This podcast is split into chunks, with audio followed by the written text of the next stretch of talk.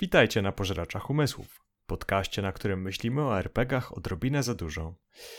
Hej, nazywam się Bartek, jestem RPGowcem, larpowcem i programistą, co będzie dość istotne niedługo, o czym za chwilę się dowiecie. Niemniej, Maciek. Game designer zawodowo, co też będzie miało dzisiaj znaczenie, co ci, którzy bacznie czytali już opis i nazwę dzisiejszego podcastu wiedzą, i prelegent na Kopernikonie i prowadzący sesję muzykalową o zgrozę, na co się, na co się zgodziłem ponownie. E, Kopernikon nadchodzi, sprawdziłem. Sobota wieczór, można mnie do Kopernikonie znaleźć. Będzie moja prelekcja o PSG Tool mojego autorstwa. 18.30 mm, bodajże. No, kto dotrze, to już sobie znajdzie. Także zapraszam. Natomiast dzisiaj tak, to, że jesteśmy programistą i game designerem odpowiednio ma znaczenie, bo dzisiaj odcinek o game devie. Zamawiany, w sensie pytań o game dev w naszym arkuszu na pytania do QA było tyle, że zebrało się ich na oddzielny odcinek, więc oto tu jesteśmy. I pierwsze pytanie z tego arkusza, a nawet jeśli nie było w kolejności pierwsze, to w znaczeniu jest pierwsze. Dlaczego game dev? Jak zdecydowaliście się na pracę w game devie? Okej, okay. odpowiem na to pytanie dość szybko. Otóż ja się wcale nie decydowałem na to, zostałem po prostu tam zatrudniony, ponieważ pracuję dla firmy, która um, w jakiś tam sposób bierze programistów i wypożycza ich innym firmom. Jestem takim najemnikiem do kodu lub kontraktorem. Um, Także z tego powodu wydaje mi się, że ciekawszą odpowiedź będzie miał Maciek, bo Maciek się sam ze swojej własnej, nieprzymuszonej woli zatrudnił. Dlatego Teraz prawdopodobnie ja będę zadawał pytania Maczkowi, ponieważ za tą branżę od e, środka i też pracuję przy grach. Niemniej ja też mam kilka ciekawych rzeczy o Riot Games, o których warto powiedzieć. Także, Maciek.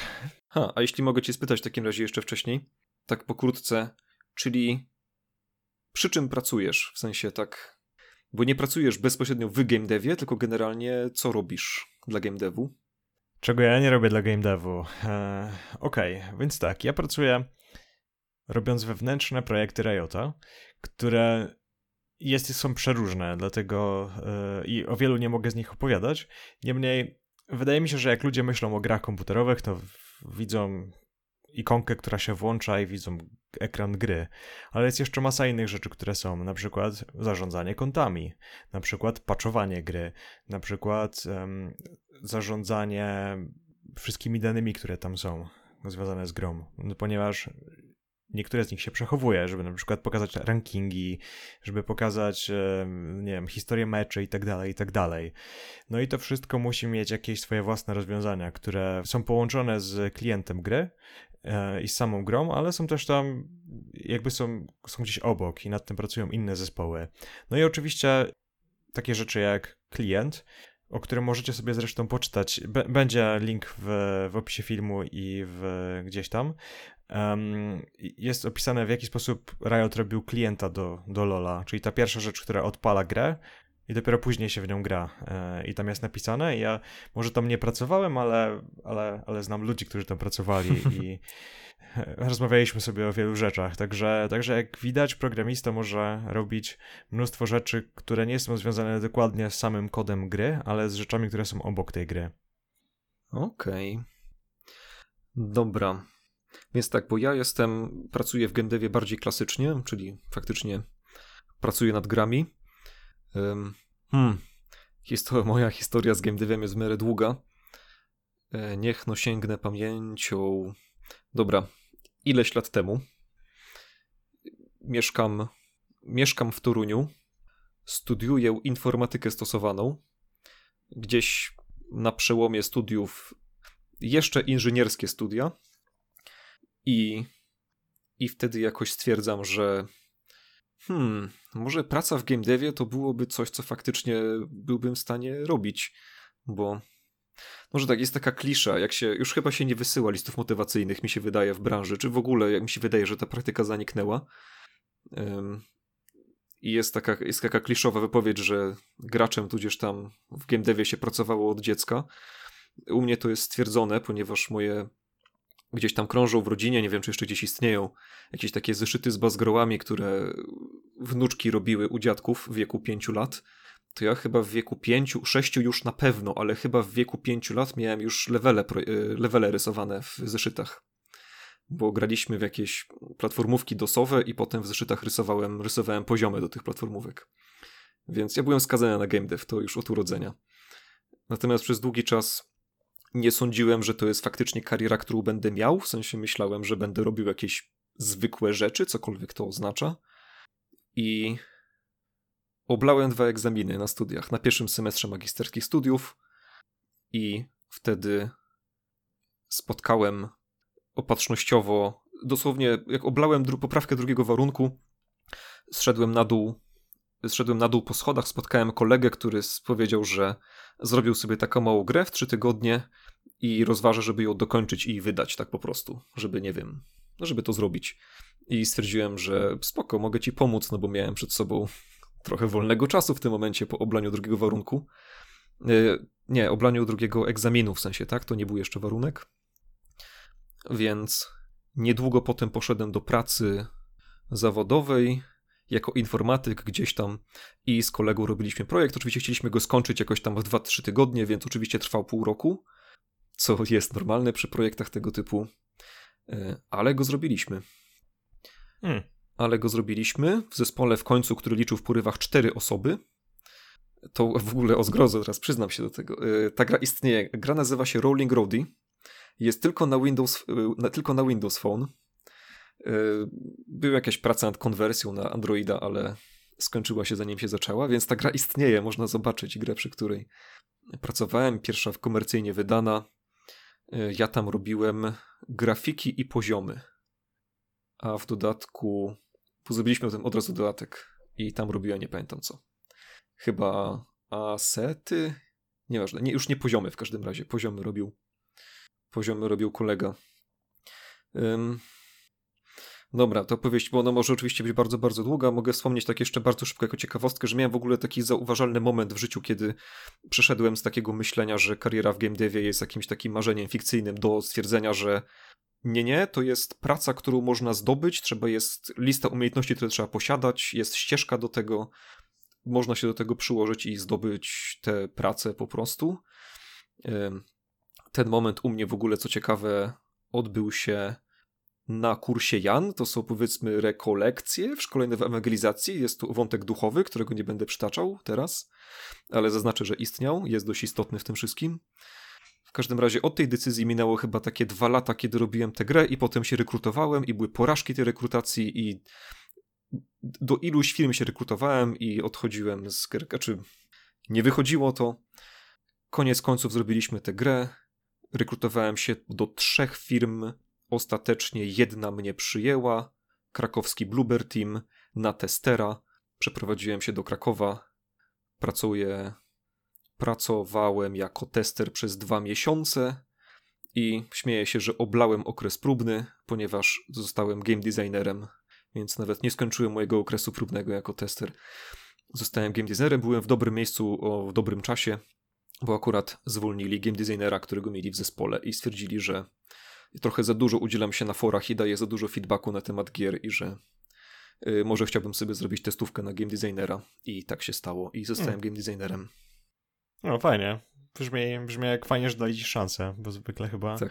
rzadko firmy dają coś takiego. Abyś się zdziwił. Znaczy, zwłaszcza na game design wydaje mi się, że jest paradoksalnie jest ssanie na dobrych game designerów, więc jeśli masz kandydata, który by chciał się tym zająć, to jak najbardziej. Po prostu takich ludzi paradoksalnie nie jest aż tak dużo.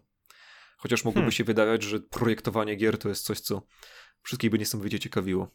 W każdym razie Bluebird Team byłem game designerem przez rok, potem dla firmy Everyday I Play przez rok, równie przy grach mobilnych z kolei, potem przez miesiąc y, krótko współpracowałem z kolegami z Polyslash i teraz od trzech lat już chyba Baltoro Games też jako game designer przy grach wszelkiej maści. I oto jestem tutaj na podcaście. Okej. Okay przydługa historia, ale tak mam nadzieję, i tak streszczona, ale mam nadzieję, że kogoś ciekawiła. że, że nie straciliśmy połowy słuchaczy jeszcze.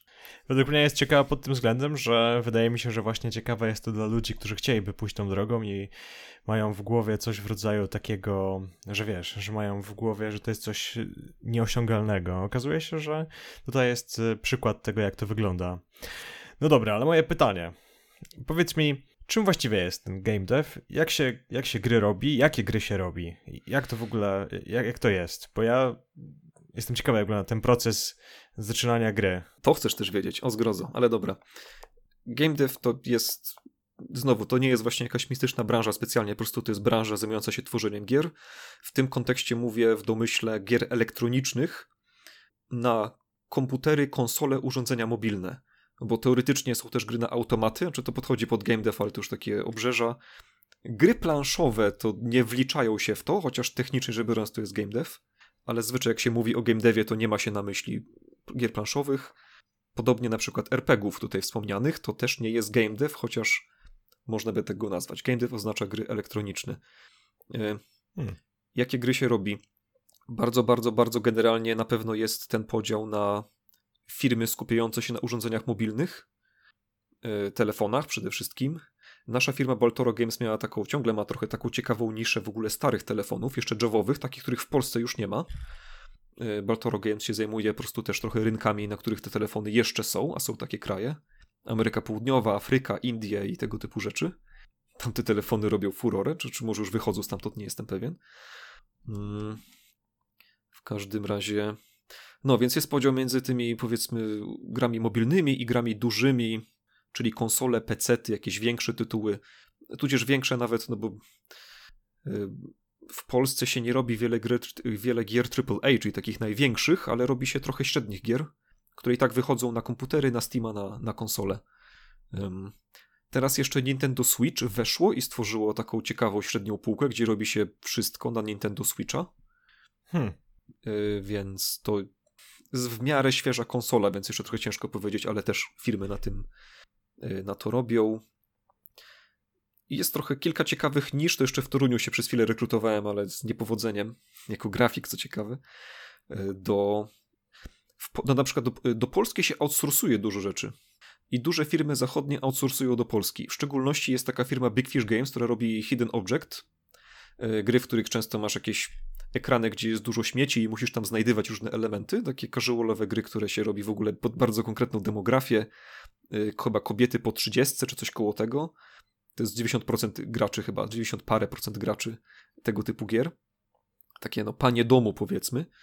Yy, I no to są jakieś zachodnie firmy, natomiast bardzo dużo tych grafik wykonują jakieś takie małe studia w Polsce. Hmm, okay. I w Polsce outsourcingu jest jest w miarę dużo, bo Polska ma umiejętności i jest tania. Więc dlatego tutaj dużo firm siedzi i swoją drogą prawdopodobnie dlatego Wiedźmin 3 udał się w Polsce i nie udałby się nigdzie indziej na świecie. Znaczy może w jakichś innych krajach typu Czechy, Słowacja albo jakieś Bałkany, ponieważ w Polsce jest ten złoty, złote połączenie ludzi, którzy umieją robić gry z ludźmi, którzy są tani. Na zachodzie Wiedźmin miałby tak wielki budżet, żeby się nie, nie, nie zrobiliby go. Rozumiem. No tak, to ma sens. Więc y, jak to wygląda w Polsce? Znaczy jak się, a jak się... Dobra, więc tak to wygląda w Polsce. W Polsce jest kilka firm większych, CD Projekt Red, Techland, Flying Wild Hog i pewnie inne, których teraz nie pamiętam i ich pracownicy mogą być niezadowoleni z tego powodu, ale mm, trudno. Natomiast, znaczy po prostu moja pa pamięć bywa dziurawa w tej kwestii.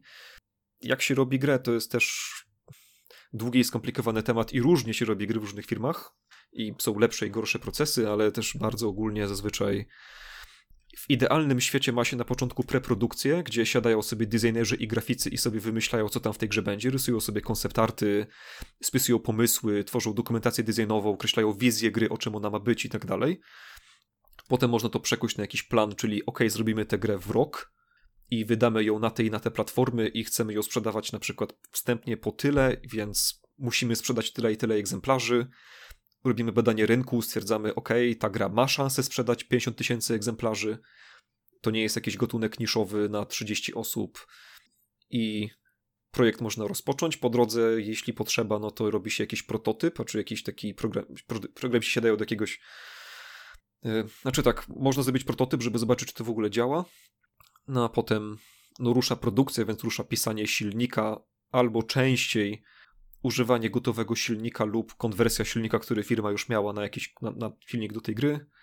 Rusza rysowanie grafik. I na różnym etapie dochodzą różne osoby, w sensie na początku może być tak, że tylko siedzi programista przez miesiąc na przykład i pisze silnik, a potem dochodzi designer, kiedy już jest na niego miejsce i ustawia wstęp, pierwszą planszę, żeby sobie grę ograć. I to się trochę od gry różni ten projekt, y, proces, ale no, robi się grę od kamienia milowego do kamienia milowego. Gdzieś na końcu. Y, często w, w, czasie produkcji wykorzystuje się placeholdery, tak jeszcze to jest też dobra, czy częsta praktyka, że nie rysuje się jeszcze grafik finalnych, tylko układa się grę na przykład na klockach, żeby sprawdzić, czy działa, jak się gra i tak dalej. I jeśli, jeśli tu się stwierdzi, że to działa, zwłaszcza na tym etapie, jakby poprawianie jest w miarę tanie, ponieważ jeśli te białe klocki na planszy są źle ułożone, to można je ułożyć inaczej i to są ciągle białe klocki. A nie mówimy grafikowi, który rysował przez tydzień drzewo, że to drzewo nam się nie przyda i trzeba je wyrzucić. Tylko białe klocki nie będą cierpieć z tego powodu. No więc gra powoli powstaje, nabiera kształtu, więc powiedzmy, że pod koniec robienia gry wykonuje się już te finalne asety, czasem się je zamawia z zewnątrz, podmienia się ostatnie placeholdery, wstawia się dźwięki, wstawia się muzykę do gier zazwyczaj pod koniec, chociaż mhm. są różne wady robienia tego pod koniec. E, no ale tu się często zderza to, co jest idealnie zrobić, a z tym, na co są pieniądze i jakby jakie są takie realia produkcji bo czasem zaplanowałeś grę, ale potem się pojawił inwestor i inwestor dał ci większe pieniądze, ale chciał, żeby do gry dodać X, Y i Z i zwiększyć jej scope, więc robisz coś, czego nie powinieneś robić, czyli zmieniać wizję w czasie gry, ale czasem to robisz, bo czasem tak wychodzi, a czasem inwestor, okay. inwestor się wycofuje i musisz grę zmienić. A czasem wychodzi nowa konsola i stwierdzasz, że jednak twoja gra na tą konsolę powinna wyjść, bo podpisujesz umowę z firmą, że zrobisz im ekskluzywa jednak, a nie, to nie miał być ekskluzyw i tak dalej, i tak dalej. Także zamyka się hmm. pod koniec, testuje się, testuje się oczywiście wcześniej, e, no ale ciągle się testuje, pod koniec testuje się więcej, bo testuje się wcześniej co do jakby QA i jakości gry, natomiast znaczy tego jak się w nią gra, play testuje się, pod koniec robi się więcej testów już technicznych, po prostu usuwa się bugi. E, jeśli robisz grę na konsolę, to testuje się pod kątem wymagań konsoli, bo na przykład Sony ma konkretne wymagania, co gra musi robić, żeby mo mogła być wydana na PlayStation. Bo na przykład jeśli okay. gra ma losowe przykłady, tak, ale jeśli gra ma ekran ładowania, który trwa więcej niż 10 sekund, to na nim musi coś być animowanego, żeby gracz wiedział, że gra się nie zacięła. Więc jeśli grę wyślesz do Sony i oni ci zobaczą na przykład, że nie spełniasz jednego z 300 punktów, które mają w swojej dokumentacji, to ci cofną grę, powiedzą, prosimy poprawić, inaczej nie wydajemy wam. Hmm, ciekawe. Pod koniec projektu też się robi tego typu rzeczy i się szlifuje produkt. Bywa tak, że gra jest skończona i jeszcze trwa miesiąc, dwa, trzy proces jej wydawania, testowania i tym podobnych rzeczy. Czasami w tym czasie graficy, którzy już nie pracują przy tym projekcie, a nie ma do nich innego projektu, przed robią rzeczy do DLC. Więc czasem się zdarza, że wychodzi na przykład graficzne DLC po premierze gry zaraz, dlatego że graficy mieli trzy miesiące wolnego. Hmm. Więc to nie zawsze jest dlatego, że już na starcie się sięga do kieszeni graczy jeszcze głębiej, tylko po prostu no, czasem jest tak, że masz dwa projekty i graficy idą do drugiego projektu, a czasem jest tak, że robisz od razu kosmetykę do DLC, żeby ją sprzedać jeszcze. Więc to było w telegraficznym skrócie proces robienia gry. Okej, okay, to było bardzo ciekawe. Ja nie wiedziałem nic z tych rzeczy. Hm, całkiem ciekawie. Do wszystkiego jest po 15 gwiazdek i wyjątków i wszystkiego i to jest, no i tak dalej, ale to... Wiadomo. No to spoko. No to w takim razie to jest, to był game dev polski i game dev teoretycznie w ogóle, ale ty masz styczność z ciekawym stworzeniem, którym jest game dev z zagranicy. Cóż nam powiesz o Riot Games i amerykańskim game devie? Mi się wydaje, że właśnie jestem e, jedną z tych 15 e, gwiazdek, ale przy każdym punkcie, ponieważ Riot Games jest firmą nietypową. Nie pracowałem w innej firmie game devowej, więc nie wiem jak bardzo jest nietypową, ale patrząc na, na, to, na to, co jest w tej firmie, to tak mi się wydaje. Skąd można to powiedzieć? Po pierwsze, Riot Games, nie licząc swojej planszówki oraz dodatku, który wyszedł ostatnio do Lola Teamfight Tactics, ma tylko jedną grę. Nazywa się ona League of Legends. I League of Legends jest grą darmową, jeżeli ludzie nie wiedzą. Jest grą całkowicie darmową. Gra w niego jeszcze wiele milionów graczy i Riot zarabia tylko i wyłącznie na tym, że sprzedaje skórki do, do, do tej gry. Oczywiście jeszcze inne rzeczy, ale, ale na ogół nic, co sprawia, że ta gra jest pay to win. Generalnie w, w LoLu ma się dwie waluty. Jedną jest taka waluta, którą zdobywa się za wygrywanie i za robienie rzeczy i w ogóle za granie w grę. Zdobywa się jej dość mało i jest taka druga waluta, którą można kupić za pieniądze i za tą walutę można kupić sobie skórki właśnie lub można kupić czempionów, którzy wychodzą trochę szybciej e, w pewnym sensie, no bo jeżeli nie masz zebranej tej, tej drugiej waluty, no to jeszcze nie możesz go kupić, a tak możesz go kupić trochę szybciej, więc możesz się powozić, że masz już tego czempiona, zanim cała reszta osób e, go ma i zanim wejdą wszystkie patche, które sprawiają, jak, jak, jak dobrze się tego czempiona gra i tak dalej, i tak dalej. No ale wracając, to jest, mówię o Riot Games. Jak się pracuje w Riot Games? Otóż Riot Games ma 3000 osób około hmm. i na, w biurach na całym świecie, z czego około dwóch i coś tam pracuje w Los Angeles. Ja pracuję z Los Angeles zdalnie, także, także pracuję z wielką bazą. No i wszyscy ci ludzie sprawiają, że League of Legends działa, można w niego, w niego grać, dodają kolejne rzeczy, starają się sprawiać, żeby gra była lepsza i fajniejsza. No i robimy jeszcze wiele, wiele, wiele innych różnych rzeczy. No ale jest to pod tym względem ciekawe, że, że ponieważ Riot Games ma dużo możliwości na swój własny rozwój, robi też mnóstwo innych rzeczy. Na przykład robi, jak już wiem, zrobi swoją własną planszówkę, robi też swój własny merch, który sprzedaje zrobili ostatnio kilka teledysków, które wypuścili. Jeden z nich, KDA, ma miliony wyświetleń, jest super, super fajny, polecam wam. Teledysk? Y, tak, zrobili ta... Ale z postaciami z Lola, które tańczą. Okej, okay, okej. Okay. Ale aktorzy przebrali, nie animacje? Nie, animacja, i, ale nagrali swoją własną piosenkę chyba. Wzięli, hmm. wzięli ludzi, żeby tak, nagrali im swoją własną piosenkę. Zresztą zrobili też animację do innych rzeczy. Na przykład był um, był, było Warriors um, Imagine Dragons. Warriors Imagine Dragons. Także zrobili do tego swój własny teledysk i też miał ogromną ilość wyświetleń. No także, więc Riot Games jest nietypową, nietypowym miejscem um, pod tym względem. Także, także, także tak. E, z ciekawych rzeczy, które mogę wam jeszcze powiedzieć, za każdym razem jak jestem w biurze w Los Angeles, to jestem zawsze fajne, bo Całe jedzenie jest darmowe. E, są dwa posiłki dziennie, plus e, masa przekąsek. E, są, jest cały pokój, którym można grać w gry. Znaczy na zasadzie, że jest chyba 30 komputerów ustawionych w linie i można sobie grać z różnymi ludźmi. Um, organizowane są wewnętrzne turnieje LoLa. Um, no jest masa, masa ciekawych rzeczy. Obok zresztą jest stadion, który jest też częścią biura i na tym stadionie rozgrywane są e-sporty, ponieważ Riot też zarabia mnóstwo pieniędzy na e-sportach. Stadion, który też jest częścią biura, what? Tak, tak. Okej. Okay. Znaczy on nie jest jakiś duży ten stadion, ale no nie wiem, zmieści się tam, wydaje mi się, że tak tysiąc osób.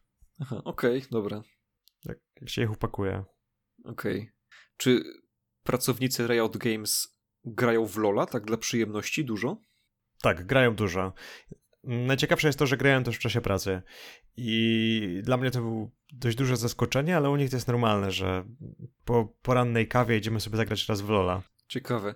To taka myśl mi przyszła do głowy, że mam wrażenie, że to czym się różni game dev zagraniczny, w sensie zachodni przede wszystkim, i przede wszystkim amerykański od polskiego, to jest chyba coś, co ma w ogóle, w ogóle firmy polskie amerykańskie, że Amerykanie mają więcej chyba takiego know-how, jak się prowadzi firmy. Y, w moim doświadczeniu w polskiej branży zaskakująco dużo problemów to problemy z zarządzaniem. Mhm. I wydaje się, że to jest dużo problemów, na które, że tak powiem, Amerykanie już trochę znają rozwiązania i one są standardowe. A w Polska się trochę tego uczy, więc jakby dopiero jakiś tam menedżer wdraża jakąś tam metodę, która w Ameryce jest w każdej firmie IT, a w Polsce to jest nowatorska rzecz i niektórzy lubią, niektórzy nie lubią, jakieś są dyskusje, kłótnie i tak dalej. Jest w miarę dużo chyba jeszcze w Polsce takiego zarządzania, po prostu, że szef przychodzi i mówi wszystkim, co mają robić, y, co na zachodzie by już pewnie się zdarzało bardzo rzadko, bo jakby ten know-how mi się wydaje, jak się prowadzi firmę IT, tam, tam jest. Tak, zdecydowanie. Teraz ciężko mi ocenić tam, czy te praktyki Riota są dobre, czy nie, ale sam fakt, że one są, jest czymś takim, co w Polsce dopiero w...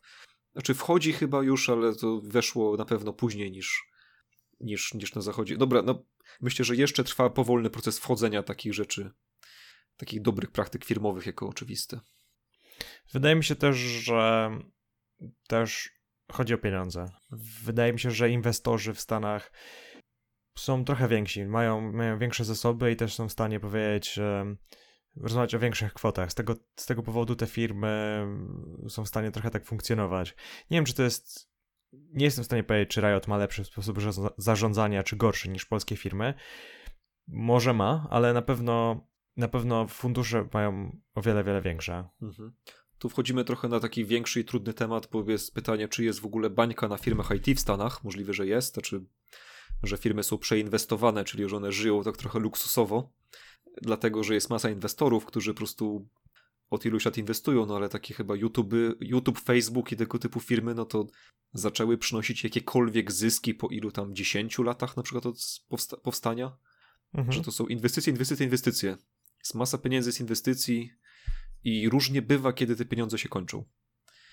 Czasem nagle, czasem nagle te firmy zaczynają jakieś tak strona, która nie miała reklam, nagle ma mnóstwo reklam wszędzie, bo się okazuje, że inwestorzy w końcu powiedzieli, poprosimy zyski. Mhm. Więc czasem tak też może być. No a właśnie game dev, no to jest część IT. Jakby nie patrzeć. No, każdy z tych tematów jest tematem na oddzielny, godzinny odcinek, jakbyśmy chcieli. To prawda to ja pozwolę sobie sięgnąć do kolejnego pytania.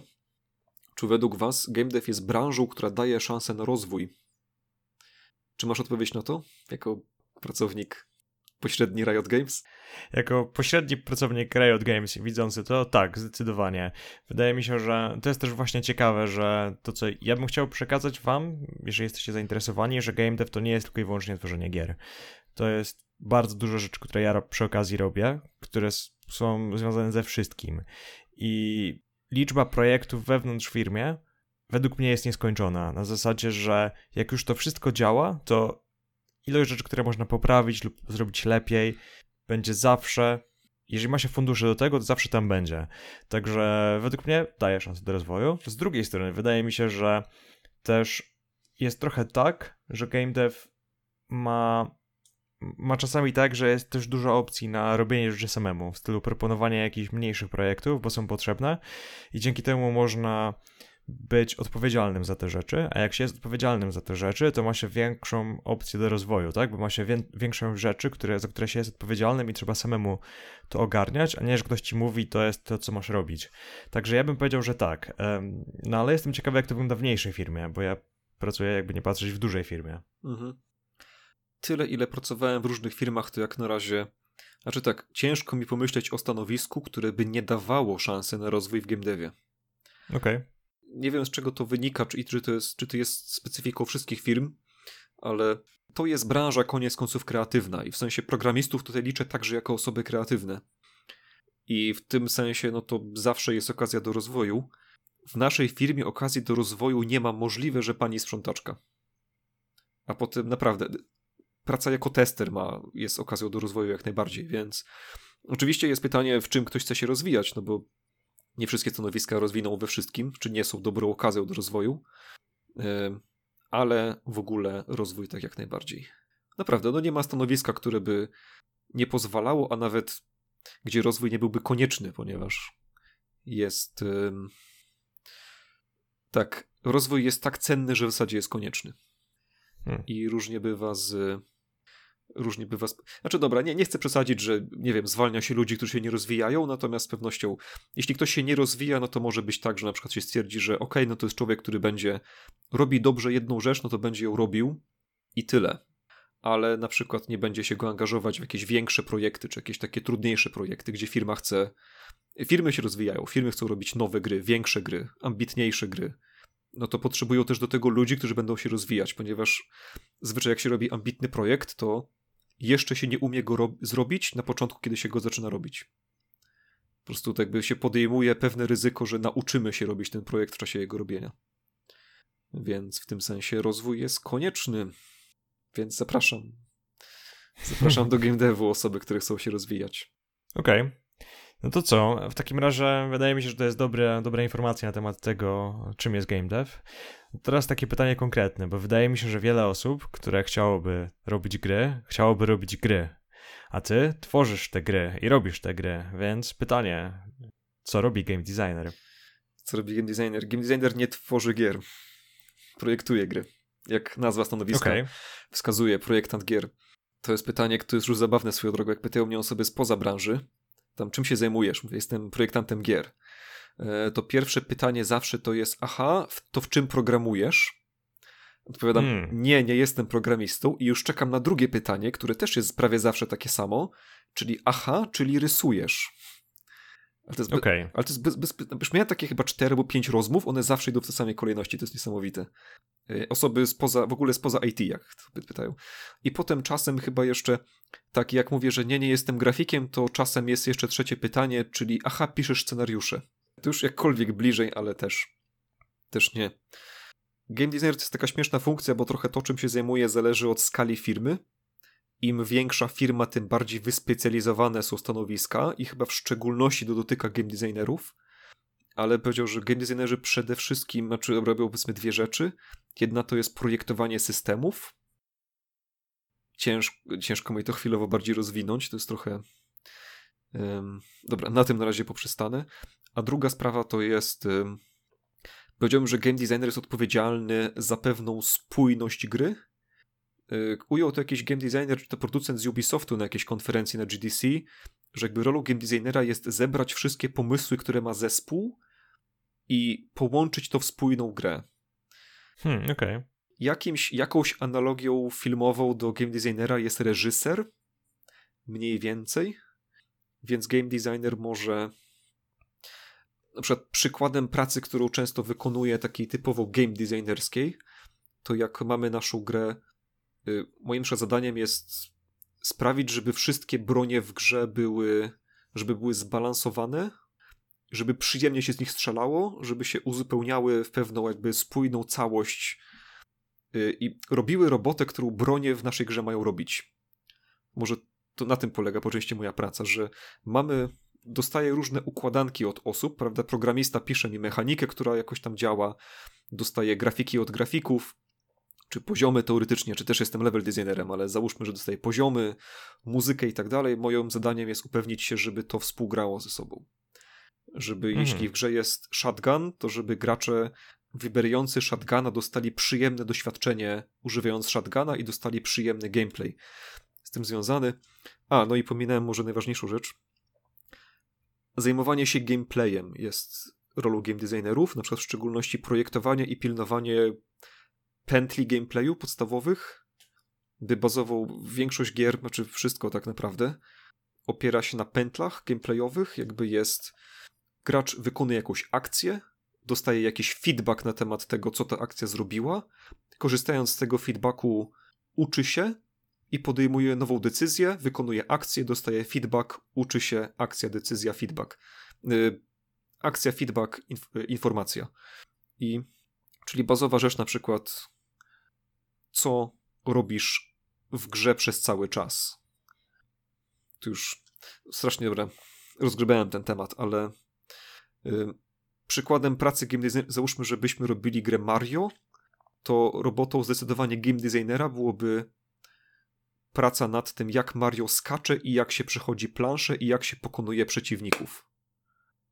Że niekoniecznie byłoby to ułożenie plansz, bo to może robić projektant poziomów, to jest trochę specjalizacja, ale sama praca nad tym, jak wysoko Mario ma skakać, jak się steruje Mario, ile żyć ma Mario, jak szybko chodzą przeciwnicy, jak to wszystko zapina się w spójną całość, że daje to przyjemną grę. Okay. Czy jakąś decyzję wyskakuję, widzę, że wyskakuje, mam kontrolę nad postacią, decyduję o tym, gdzie spadnę. E, jeśli zabiję potwora, dostaję feedback, dostaję punkty za niego i tak dalej, i tak dalej. No i właśnie, no i jest taki problem z game designerami, że właśnie ich praca trochę się różni od firmy do firmy i od projektu do projektu, więc trochę ciężko jest tak bardzo precyzyjnie ustrzelić, czym się zajmuje game designer, więc skończę chyba na tym tę wypowiedź. Okej. Okay. Ja to mam takie pytanie, bo to jak powiedziałeś o tych scenariuszach, czyli wyobraźmy sobie, że że no nie wiem, jak mówiłeś o planszach, więc mhm. wyobraźmy sobie, że, że robimy platformówkę, tak? I kto w takim razie zaplanuje całą całe od początku do końca, na zasadzie, że chciałbym, żeby w czasie mojej gry moja postać tak eksplorowała najpierw e, takie miejsce, potem takie miejsca, kto jakby pisze historię do tego. To też jest game designer, czy jest jakiś story writer, który, mhm. który, który się powinien tylko i wyłącznie tym zajmować? Tu bym powiedział, że bardzo zależy. I więc może upraszczając, załóżmy, że mamy wielką korporację, która ma wszystkie stanowiska bardzo podzielone. Mhm. No to zapisanie fabuły do gry odpowiada scenarzysta dedykowany. Okay. Są scenarzyści growi, którzy w tym się specjalizują. Więc możemy mieć na przykład, zatrudniliśmy scenarzystę i ze scenarzystą gadał na przykład nasz creative director, czyli gość, który już ma pod sobą projektantów i grafików i wszystkich. I oni ze sobą dogadali się na temat wizji gry, powstała wizja gry i powstał scenariusz pisany przez scenarzystę. I wizja gry, na przykład, no to wizję gry może tworzyć creative director, czyli no już ktoś, kto jest za wizję odpowiedzialny, bo to, to może być game designer teoretycznie, tak? No ale jest jakaś osoba, która powiedzmy dobra, no okej, okay, powiedzmy, że to wchodzi w kompetencje game designera teoretycznie, może tak być. Że przykład robimy plan OK, w grze będziemy mieli sześć światów. W pierwszym świecie będzie generalnie będą wulkany i będziemy bić się na miecze, w drugim świecie dojdą łuki i będzie to świat pustynny i tak dalej. Więc jakieś takie są ogólnopoziomowe założenia, by powstawały w takim trzeblu menedżerskim trochę potencjalnie. To może na spotkaniach powstawać oczywiście w grupie osób, i no, że powiedział, że game designerzy to spisują, ale możliwe, że tacy już tacy dyrektorzy, na przykład właśnie game dyrektorzy, creative dyrektorzy i tym podobni. No i potem jeśli rozpisać to na planszę, to na przykład by robił w takiej korporacji lead level designer. Okay. Gość, który, czyli level designerzy w ogóle, jak sama nazwa wskazuje, projektanci poziomów są odpowiedzialni za tworzenie poziomów do gry, no to ich lead level designerów odpowiadałby też za za plan tworzenia poziomów.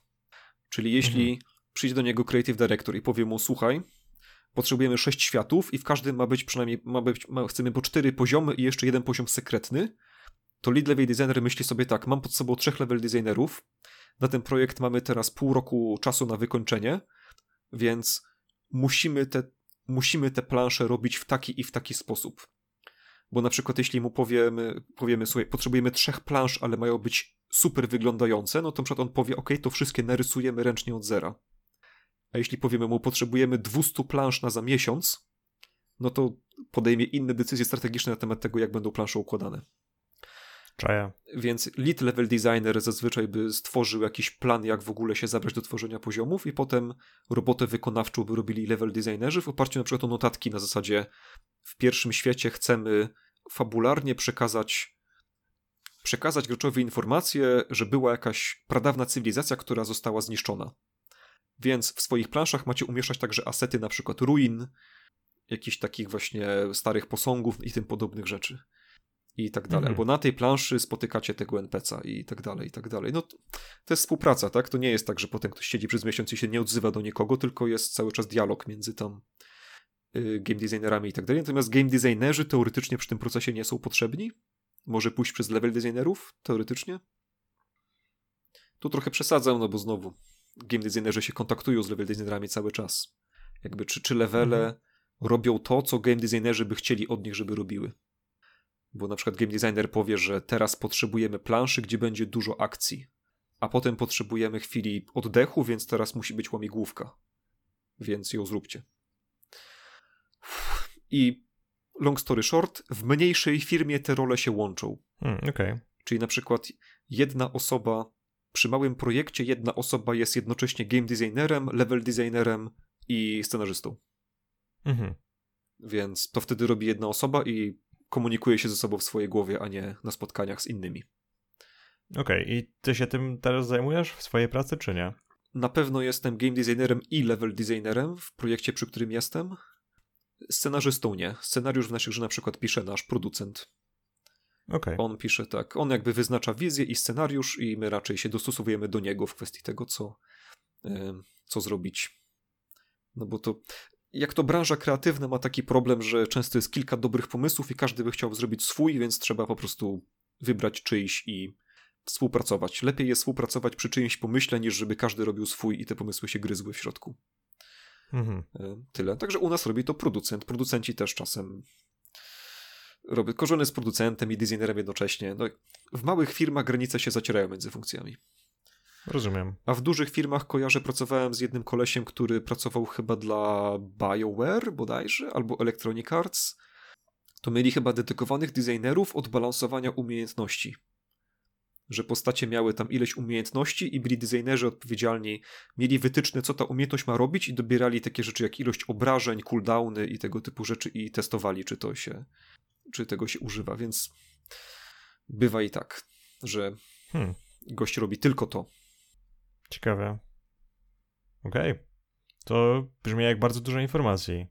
A teraz ostatnie pytanie. Czy game designer to jest to, co zawsze chciałeś robić, czy jednak myślałeś o jakichś innych rzeczach, na przykład scenarzysta, albo grafik, albo nie wiem. Myślę, że jak byłem młodszy, to sobie nie zdawałem dokładnie sprawy z tego, czym zajmuje się game designer jako tako, natomiast w ogólności tak, to jest mój, moja praca marzeń, tak powiedzmy. Mm, Chociaż o, z pewnością się okazało, że ta praca marzeń moja wymaga wielu umiejętności, których nie posiadam i już douczałem się ich w czasie w czasie, w czasie pracy w game devie i ciągle się douczam. Także, ale nie, w ogólności czuję się, że jestem tak w dobrym miejscu, jeśli chodzi o karierę. Nie mam jakiegoś bardziej wymarzego stanowiska. Może w przyszłości zobaczymy jak pójdzie, ale jakieś stanowisko dyrektorskie, w sensie creative director, game director, ale to powiedzmy, to chyba z czasem przyjdzie samo, jeśli będzie się ku temu, ku temu skłaniało. To są stanowiska niełatwe, także na dłuższą metę, jeśli moje doświadczenie będzie i zdolności cenne na tyle, że będę bardziej przydatny jako zarządzając zespołem, niż robiąc, siedząc i dłubiąc w edytorze sam, no to może też w tę stronę skręci, więc będę miał wtedy może więcej do powiedzenia w grach, ale mając także większą odpowiedzialność, więc... No ale to zawsze idzie w parze, więc może w tym sensie bym zajmował stanowisko, ale to nie jest tak, że mogę to zrobić teraz. Bo to wymaga wielu umiejętności, w tym na przykład kontakt z ludźmi, który hmm. jest niełatwy pod wieloma względami. Okej. Okay. Ty wspomniałeś natomiast pokrótce o tym, co robisz w Riot Games, ale czy coś więcej uchylisz ząbka tajemnicy na temat tego, co robi programista, który nie pracuje z grami? Mm -hmm. Znaczy, jest kilka, na pewno jest kilka ciekawych problemów, które można zrobić, o których nie wspomniałem. Um, ale właśnie, ja jestem w pewnym sensie, jakby można było dać jakąś specjalizację, to jestem web developerem, więc robię albo strony internetowe, albo pracuję przy serwerach. A ponieważ żyjemy w takim czasie, że jest bardzo dużo mikroserwisów w firmach i one się komunikują ze sobą, więc tak właściwie każda rzecz może być dana zespołowi programistów lub nawet jednemu programiście do zrobienia. Także jak już mówiłem, wszystko co, jeżeli to jest gra sieciowa, to wszystko co możecie sobie wyobrazić w grze, można zrobić, tak? Od rankingów, od jakichś um, dodatkowych wyświetleń czegoś, do właśnie zarządzania kontami, do strony internetowej, gdzie można byłoby patrzeć na różnych rzeczach, są czaty i tak dalej, i tak dalej. To są wszystko rzeczy, które nie są stricte związane z grą, a mogą zajmować się programiści, którzy, którzy będą pracować przy tej grze. Także właśnie, warto mieć to w głowie, tak, że jeżeli lubicie gry, no to możecie przy nich też pracować, a nie do końca robiąc, robiąc samą grę. Co jest ciekawe pod tym względem, ja, ja bardzo lubię pracę z ludźmi, z którymi pracuję, głównie z tego powodu, że oni są wszyscy bardzo zafascynowani grami i no i właśnie na przykład jestem w Los Angeles, nikogo nie znam i dosiądę się do stolika przy, przy lunchu i będzie losowa osoba, której nie znam i zadam jej pytanie, w jaką grę teraz grasz? Zawsze znajdę jakąś ciekawą odpowiedź. I według mnie to jest super, bo, bo właśnie można, można się, można złapać ten kontakt, można pogadać o tych grach, wszyscy je lubią, atmosfera jest przez to fajna i mi się to bardzo podoba, tak? To jest, to jest tak, że jak pracuję z tymi ludźmi, to czuję, że są to ludzie, którzy trochę odbierają na tych samych falach co ja. Z tego powodu ja bardzo polecam. Okej. Okay. A czy masz kontakt z programistami z Riot w ogóle? Tak, e, tak, oczywiście. Bardziej przekrojowo. A czy programiści się różnią w takim sensie ci pracujący nad gameplayem od tych nad, pracujących nad silnikiem i innymi rzeczami, czy niespecjalnie? Aha, z tymi to powiem szczerze, że nie rozmawiałem nigdy. Ja, ponieważ Riot ma te tam 2000 osób w biurze, dla którego ja pracuję, no to mamy tak filary różne, czyli jest na przykład filar, który zajmuje się grą, jest filar, który zajmuje się um, jakimiś wewnętrznymi aplikacjami, które jest filar finansów, tak, czy tam filar zajmujący się wszystkimi rzeczami związane z, z jakby tą platformą tej całej gry. No i um, ludźmi, ludzie, z którymi ja najczęściej rozmawiam, to są ludzie z tych, z tych, tych miejsc, w których e, ja pracuję, także mhm niezbyt nie udało mi się chyba jeszcze rozmawiać z kimś, kto pracuje nad e, samą grą. E, nad samą grą. Rozmawiałem tylko i wyłącznie z programistami, którzy pracują nad tymi rzeczami obok gry. Okej. Okay. To jest zabawna po prostu jakby cecha wielkiej firmy, która może, e, która ma takie rzeczy. No u nas w firmie wszyscy znają się po prostu osobiście, więc to jest ciekawe. 3000 osób i stadion w ramach biura.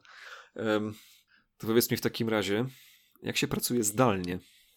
Hmm, no to mógłby być temat na osobny podcast, e, praca i tak dalej, ale pokrótce powiem, że ja sobie bardzo cenię pracę zdalną, głównie z tego powodu, że, znaczy po pierwsze, dla wszystkich ludzi, tak, ja pracuję całkowicie zdalnie, czyli nie mam biura, um, mój każdy dzień rozpoczyna się od tego, że loguję się do VPN-a i w pewnym sensie w taki sposób przynoszę się do pracy. Um, praca zdalna jest super, to po pierwsze. Ma swoje wady, ma swoje zalety, jak każda rzecz. Niemniej zacznijmy od tych zalet. Po pierwsze, ponieważ pracuję zdalnie, mogę pracować skądkolwiek, czyli nie muszę przejmować się tym, czy chcę gdzieś pójść, wyjść, pojechać, załatwić. Dzięki temu mam też fajne perki, bo firma, dla której ja pracuję, czyli firma nazywa się Xteam, e, jest to firma, która skupia programistów i właśnie wypożycza je innym firmom. Mamy takie rzeczy jak różne wyjazdy, na przykład na na dwa tygodnie jedziemy do jakiegoś kraju. Ostatnio byłem w Tajlandii na dwa tygodnie i ta, stamtąd pracowałem. Myślę, że też zostawię jakiś e, opis tego lub filmik w, w tych w komentarzach, jeżeli jesteście ciekawi. Um, więc to jest fajne, że mogę pracować skądkolwiek. Um, co jeszcze? Z ciekawości z ciekawej rzeczy pracy zdalnej. Jeżeli pracujecie z biura i robicie taką pracę jak właśnie kreatywna praca, czy praca um, czy, czy programowanie, no to wiecie, że w biurze jest ciężko czasami. Ktoś do ciebie przychodzi, ktoś coś od ciebie chce, ktoś chce na kawę, ktoś daje jakąś ciekawą plotkę i tak dalej. No i czasami ciężko się skupić. Ja mam tą możliwość, że na, jak już mówiłem, kiedyś na 4 godziny mogę się wyłączyć, nikt mi nie przeszkadza, zrobię sobie moją rzecz i ją skończę. Z tego powodu czuję, że jakby więcej się uczę, więcej robię, więcej um, jakby zdobywam większą ilość praktyki nad tym, co robię. I to jest bardzo fajne.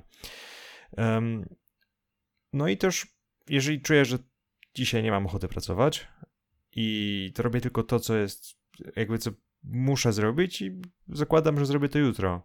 Albo mogę pracować jeden dzień dłużej i następnego dnia pracować trochę krócej. Także, i, ponieważ nikt mnie nie kontroluje pod względem tego, kiedy wyszedłem z biura, to jest dodatkowy plus. Tego pracy zdalnej bym nigdy, um, nigdy nie, um, nie zmienił na nic innego. Są oczywiście wady.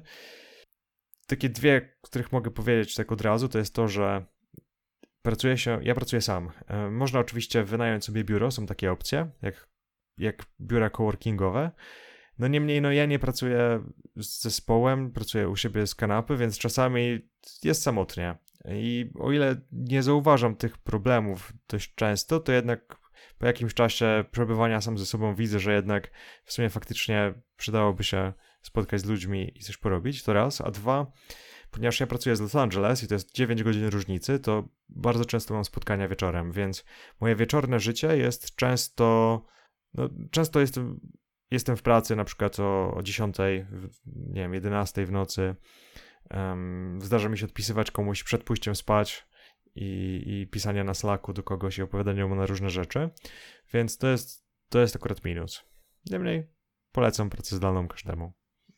To czy jest to twoja wymarzona praca? To, co robisz teraz mniej więcej? Zdecydowanie. E, znaczy, nie wiem, czy jest to moja wymarzona praca. Na pewno jest to praca, którą bardzo lubię. Jest to praca, którą, która mi się podoba i na długi czas jej nie zmienię. Więc Trudno mi powiedzieć coś innego. czy jako pracownik z obrzeży game devu, z rubieży nawet, czy wolałbyś pracować bliżej gry jako takiej, na przykład pracować bezpośrednio nad League of Legends? Nie, kompletnie nie. Jest wiele powodów. Pierwszy z nich jest taki, że praca w, nad grą, więcej osób chce to robić. To jest, wydaje się, że to będzie fajne. Według mnie, znaczy nie pracowałem nad grą, ale według mnie problemy, które się rozwiązuje są dość podobne. Oczywiście fajnie jest potem powiedzieć, patrzcie, ja pracowałem nad tą grą i ja robiłem te rzeczy, ale z drugiej strony, ne. Um, także to raz. Dwa, w grach korzysta się z technologii, których ja za którymi ja niezbyt przepadam. Ja bardzo lubię webdev, bardzo lubię technologie, których używam. Na przykład bardzo lubię frontend i piszę w Reakcie i bardzo to lubię. Oczywiście są, są różne rzeczy. Taki klient do Lola, który w pewnym sensie też, w pewnym sensie jest samą swoją grą, też został napisany w JavaScriptie, e, o czym można poczytać w artykule, który, który, który dołączę. Um, także w pewnym sensie, tak, ale, ale jak już mówiłem, korzystanie z technologii, pisanie serwerów, robienie mikroserwisów, to są rzeczy, które, które lubię. Sam kod gry i pisanie w czasami też przestarzałych technologiach to nie jest coś, co lubię. Hmm. Przy tej okazji mogę wspomnieć, wspomnieć o takiej ciekawostce, że to zależy od firmy, miejsca, stanowiska i wszystkiego, ale jest taki koszt bycia w game devie często, jako że ludzie chcą pracować w branży gier zazwyczaj, to jest, jest większe parcie na tą branżę niż na, na przykład na e, programowanie sterowników przemysłowych, że płace w game devie potrafią być niższe niż to samo stanowisko, te same kompetencje, ta sama ilość pracy w innej branży. Że po prostu jest większa chęć dlatego, że to są gry. Więc czasem to z programistami jest ten problem często właśnie, że pracują w game devie, natomiast mogliby pracować na przykład za dwa razy większe pieniądze, po prostu robiąc biznesowe rzeczy. Więc to też wiem, że niektórzy, niektórzy programiści odchodzili z game devu z tego powodu. Że w końcu stwierdzali, że dość, to czasem także przekłada oczywiście na to, o, tu mówiliśmy o różnicach. Jest takie zabawne zjawisko w game devie jak crunch. Znowu wielki temat, ale bardzo, bardzo upraszczając, no to ustalamy termin premiery gry, termin się zbliża, zostały dwa miesiące do skończenia, a są trzy miesiące, trzy miesiące roboczo godzin do jeszcze są potrzebne, żeby skończyć projekt. No to nagle wszyscy robią nadgodziny i pracują w weekendy i e, w ekstremalnych przypadkach także śpią w firmie i tak dalej. Są takie przypadki znane. Crunch jest trochę plagą game devu. Jest pewnie plagą każdej branży, która ma deadline i projekty, ale no game devu słynnie, słynnie jest plagą. Znowu na zachodzie podobno bardziej niż w Polsce że w Polsce jest trochę większy szacunek do tego, że jednak 8-godzinne dni pracy i idziesz do swojej rodziny czy tam do domu. Na zachodzie podobno niestety więcej firm ma, że tak powiem, wpisane standardowo crunche, nawet dość długie, długotrwałe, w sensie, że się ciągną miesiącami. Mm. I to też jest jakiś koszt game devu. Mhm. Więc na przykład wypłata może być podobna jak na to stanowisko w innej branży, ale w game devie na przykład jest oczekiwanie, że będziesz crunchował.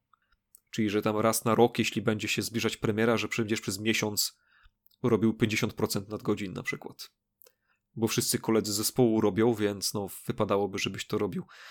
Oczywiście mówi się, że crunch jest zawsze winą managementu, który źle zaplanował projekt, no ale koniec końców płacą go wszyscy, w sensie płacą go, go pracownicy. Crunch w ogóle nie jest łatwy, bo to nie jest tak, że jak przesiedzi się w pracy 50%, 50% godzin więcej, to się będzie 50% bardziej kreaty kreatywnym i zrobi się 50% więcej roboty. To wcale tak nie działa. Więc nawet nie jest, nie jest łatwo wycisnąć z ludzi produktywność, po prostu ich przyciskając do dłuższej pracy. Ale. I też znam przypadki ludzi, którzy odchodzili z dobrych firm, dlatego że tam był za duży crunch, za dużo się siedziało w pracy. I super firma, super projekty, przyzwoite pieniądze, ale po prostu masz wtedy tylko pracę i sen i nie ma życia osobistego albo no, z czegoś musisz rezygnować po prostu, bo wszyscy siedzą i pracują.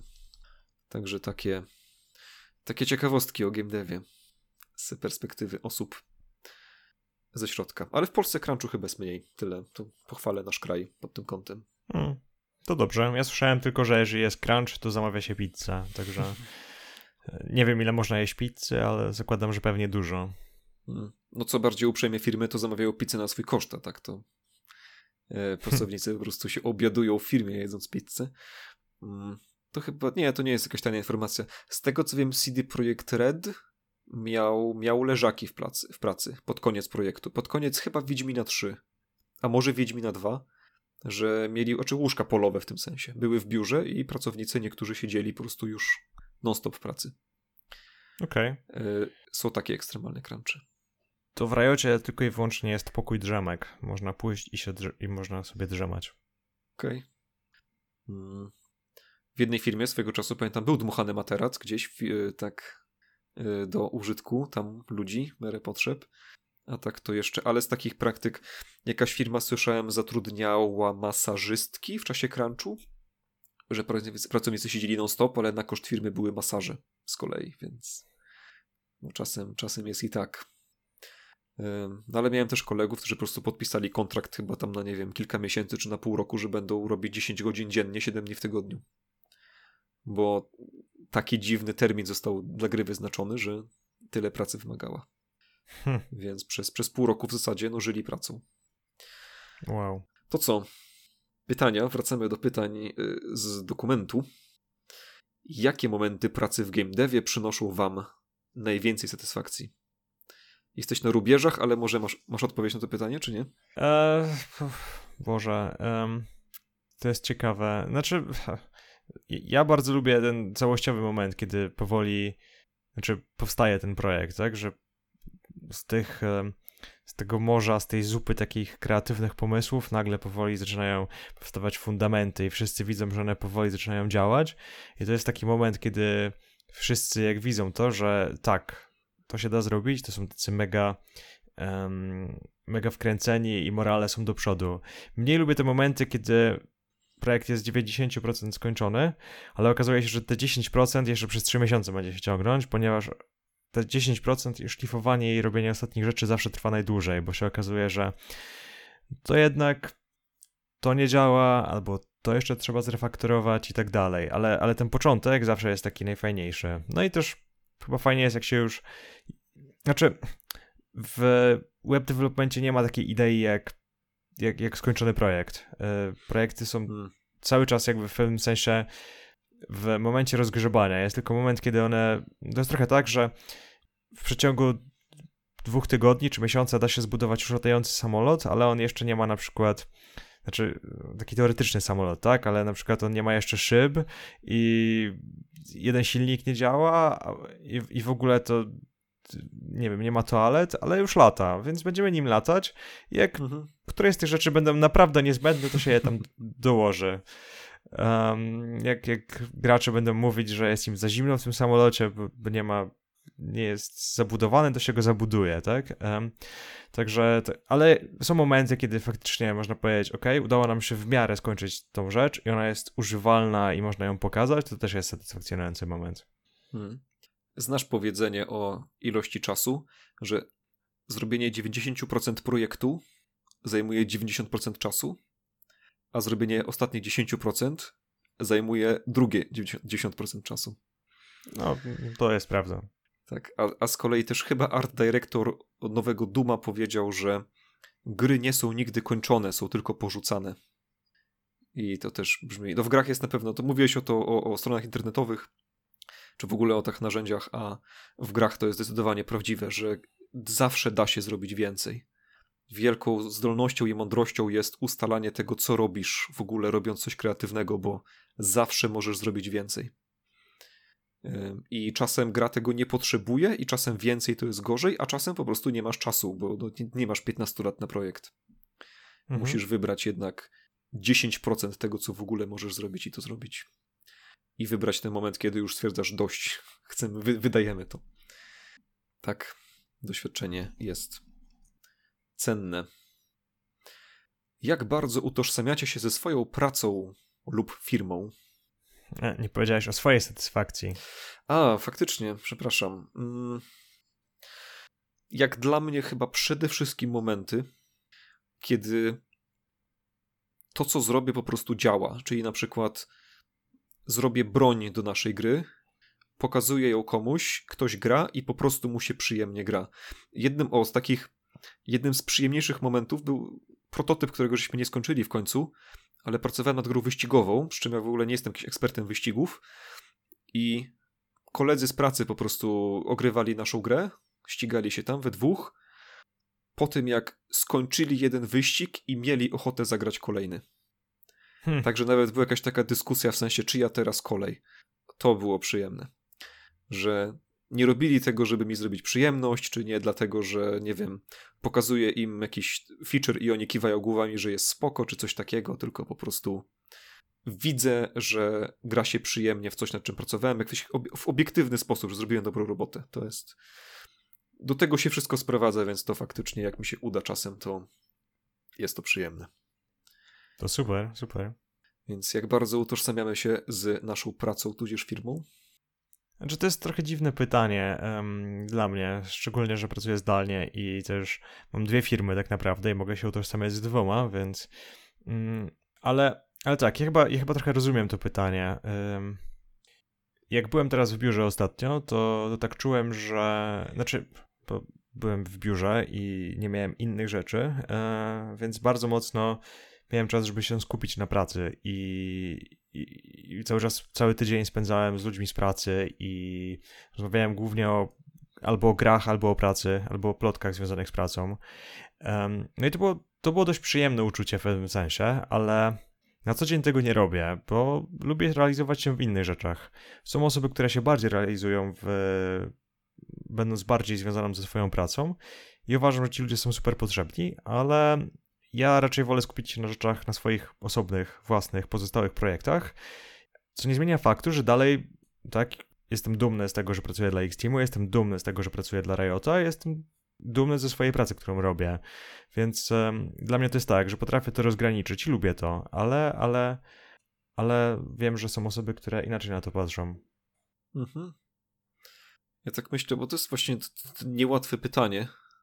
Wydaje mi się, może, może tak, gdyby moja firma zniknęła z dnia na dzień, przestałaby istnieć, to ja lubię moją firmę, ale to moje życie by się nie zawaliło specjalnie, w sensie bym dalej był game designerem pewnie gdzie indziej i jakoś by się fundamentalnie wiele nie zmieniło.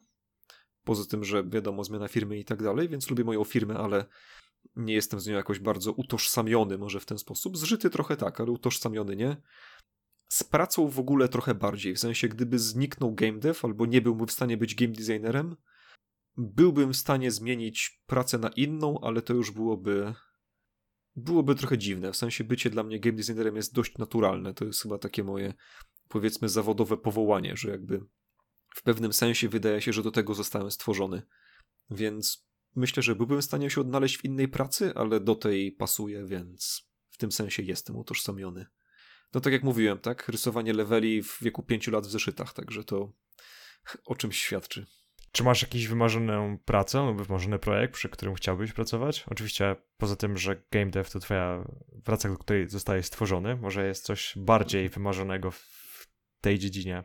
Więc pracę chwilowo nie, chociaż ja game designerem myślę na przykład, czy byłbym w stanie pracować pisząc RPG i to jest możliwe. Y, nie jestem pewien, czy jakby istnieje taka praca, bo gry planszowe RPG się pisze trochę inaczej. To jest chyba więcej, bo tu też są w ogóle projektanci gier. O też na przykład ja nazywam planszówki, planszówki nazywam łaciną game designu. Nawet jeśli projektujesz gry komputerowe tylko i wyłącznie, to przy okazji dobrze jest projektować planszówki, w sensie nawet myśleć o tym. Jest wiele powodów, żeby to robić. Mhm. Natomiast y, powiedziałbym, że dobry game designer, nawet jak nie gra dużo w gry planszowe, to znaczy powinien grać w gry planszowe i je projektować. Więc to jest jedno. Z RPGami jest chyba trochę podobnie. Aha, i tu jest takie zjawisko, że raczej chyba nie ma tak, że siedzi grupa osób i robią grę planszową przez rok, tylko raczej pojedynczy game designerzy wymyślają gry, tworzą prototypy, testują i przychodzą do wydawców z gotowymi grami. Albo, albo robią je na zlecenie, ale to jest taka bardziej indywidualna praca.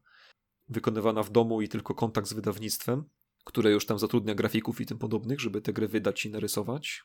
Oczywiście nie w tej kolejności. Um, więc nie jestem do końca pewien, jak wygląda świat RPGów pod tym kątem.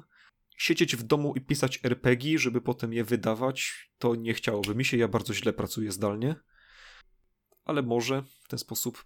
A idealnych projektów jest bardzo wiele, ale to jest chyba normalne. Jak ktoś pracuje w grach, to prawie zawsze ma pięć gotowych pomysłów na gry, szczególnie game designerzy, którzy są odpowiedzialni za precyzowanie pomysłów, więc jakby w mhm. naturalny sposób także te pomysły mam konkretyzuję, bo na tym po części polega moja praca. Więc mam kilka projektów takich, które bym chciał zrobić, mam kilka wymarzonych. Trzy słowa mogę powiedzieć o moim wymarzonym projekcie. To jest druga część mojej gry, którą pisałem na studiach przeglądarkowej, bo tak robiłem. Czyli bym chciał stworzyć. Dobra. Przeglądarkowe MMO. Chyba, że przeglądarki wyjdą z mody, ale MMO, w którym gracze współtworzą świat, gdzie każdy gra jedną postać, natomiast gra ma w metawarstwie symulację strategiczną, polityczną i ekonomiczną, gdzie gracze mogą na przykład tworzyć własne państwa, projektując własne systemy polityczne. I gdzie jest na tyle zaawansowana symulacja ekonomii, że chociaż gracze, nikt z graczy nie musi planować całej ekonomii, nie ma dostępu do całego systemu, tylko gracze handlują pomiędzy sobą, to, że na przykład w grze pojawiłyby się zjawiska rynkowe.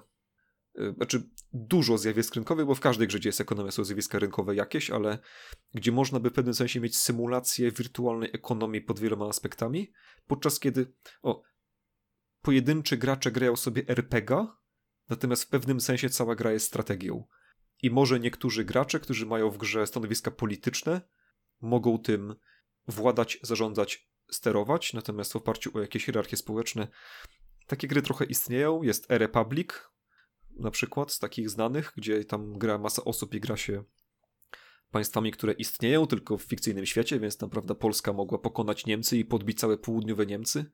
Y, przez chwilę na mapie Europy Polska rozciągała się od Francji po Turcję i była hegemonią europejską i tam jakieś wybory były, jakaś partia imperialna Polski, która były jakieś, ludzie debatowali w parlamencie po prostu, czy trzeba podbić Szwecję, czy nie.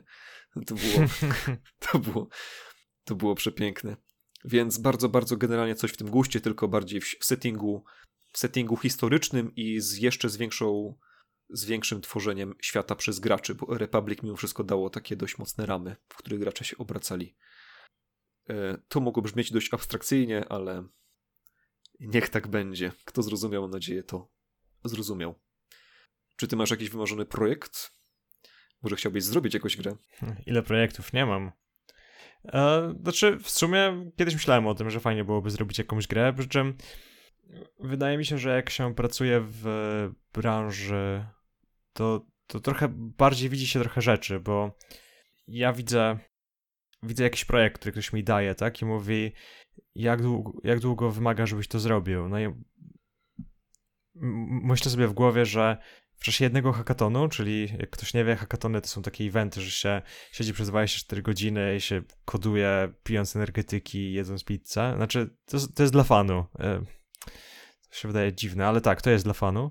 No to w, taki, w takie takie 24 godziny można zrobić naprawdę bardzo dużo, ale jeżeli chcesz, chcesz się coś zrobić poprawnie i dobrze, tak żeby się skalowało i potem można było tym zarządzać, to na przykład taka rzecz, którą można zrobić 24 godziny, zajmie 3 miesiące. Um, 8 godzin dziennie, tak codziennie, przez 3 miesiące. Także ponieważ ja zdaję sobie sprawę, jak dużo, jak długo się robi takie projekty, to bardzo często myślę sobie, te, te, moje plany już umierają na w czasie koncepcji, na zasadzie, a zrobiłbym sobie taką grę lub taki projekt, który, po czym myślę sobie, nie, nie zrobię tego w 6 miesięcy, nie ma opcji, mhm. więc to zabijam. Także myślę trochę pragmatycznie, ale na pewno jest kilka rzeczy, które chciałbym zrobić. Um, niemniej, odnośnie wymarzonych projektów, przy których chcielibyśmy pracować, um, jest jedna rzecz, którą bym chciał zrobić. Um, jest kilka technologii, których chciałbym skorzystać. Ja bardzo lubię języki funkcyjne i chciałbym trochę więcej nad nimi popracować, ale języki funkcyjne są, nie są w mainstreamie. To trochę tak, jakby ktoś powiedział, że gra w RPG i lubi RPG, ale chciałby zagrać w indie RPG, ale nie ma opcji. Um, to właśnie to jest trochę tak mhm. ta sytuacja, że są języki funkcyjne, które są super i robią bardzo dużo rzeczy lepiej niż mainstreamowe języki, no ale są mniej popularne, więc mimo że bym chciał, to nie mogę, także to może być jakąś odpowiedzią. Okej. Okay. Czyli bardziej masz pewne marzenia co do technologii wykonania projektu, a nie co do samego projektu jako takiego? W pewnym sensie, znaczy, nie, oczywiście mam marzenia przy rzeczach, które chciałbym pracować, ale już chyba wolałbym je samemu robić, niż to nie jest tak, że, że akurat bardzo różni mi się, czy pracowałbym e, robiąc nie wiem, apkę do robienia burgerów, czy leki na raka. Zakładam, że obie rzeczy by miały podobne problemy w pewnym sensie. Z punktu widzenia pro programisty, który robi serwery, tak? Z mhm. punktu widzenia ludzi, którzy zajmują się całą technologią, czy tam, nie wiem, naukowcami, którzy e, robiliby algorytmy do tego, to już jest inna sprawa, tak? Ale z mojego punktu widzenia jedno i drugie miałoby te same problemy. Mhm. Czeje. Kolejne pytanie, które zostało nam zadane, to jest... Czy wasze doświadczenie w RPGach, LARPach pomaga wam w jakiś sposób w pracy? Ja szybko odpowiem. Ludzie w mojej firmie lubią grać w D&D, więc mogę z nimi pogadać o D&D. To chyba tyle. A jak u ciebie? Um, powiedziałbym, że zaskakująco nie. To znaczy, że część umiejętności tak, oczywiście są też miękkie umiejętności jak kontakt z ludźmi, praca w zespole i tym podobne rzeczy. Y, to jak najbardziej, no ale to jest uniwersalne. Natomiast tak stricte z RPGów trochę tak, ale powiedziałbym, że zaskakująco mało grałem w RPG, jak zacząłem się rekrutować do branży gier, to już grałem w RPG niecałe 10 lat i byłem mistrzem gry przez kupę czasu i, i tak umiejętności potrzebnych mi do pracy w branży i w ogóle, żeby zdobyć pracę w branży, bardzo dużo uczyłem się i tak.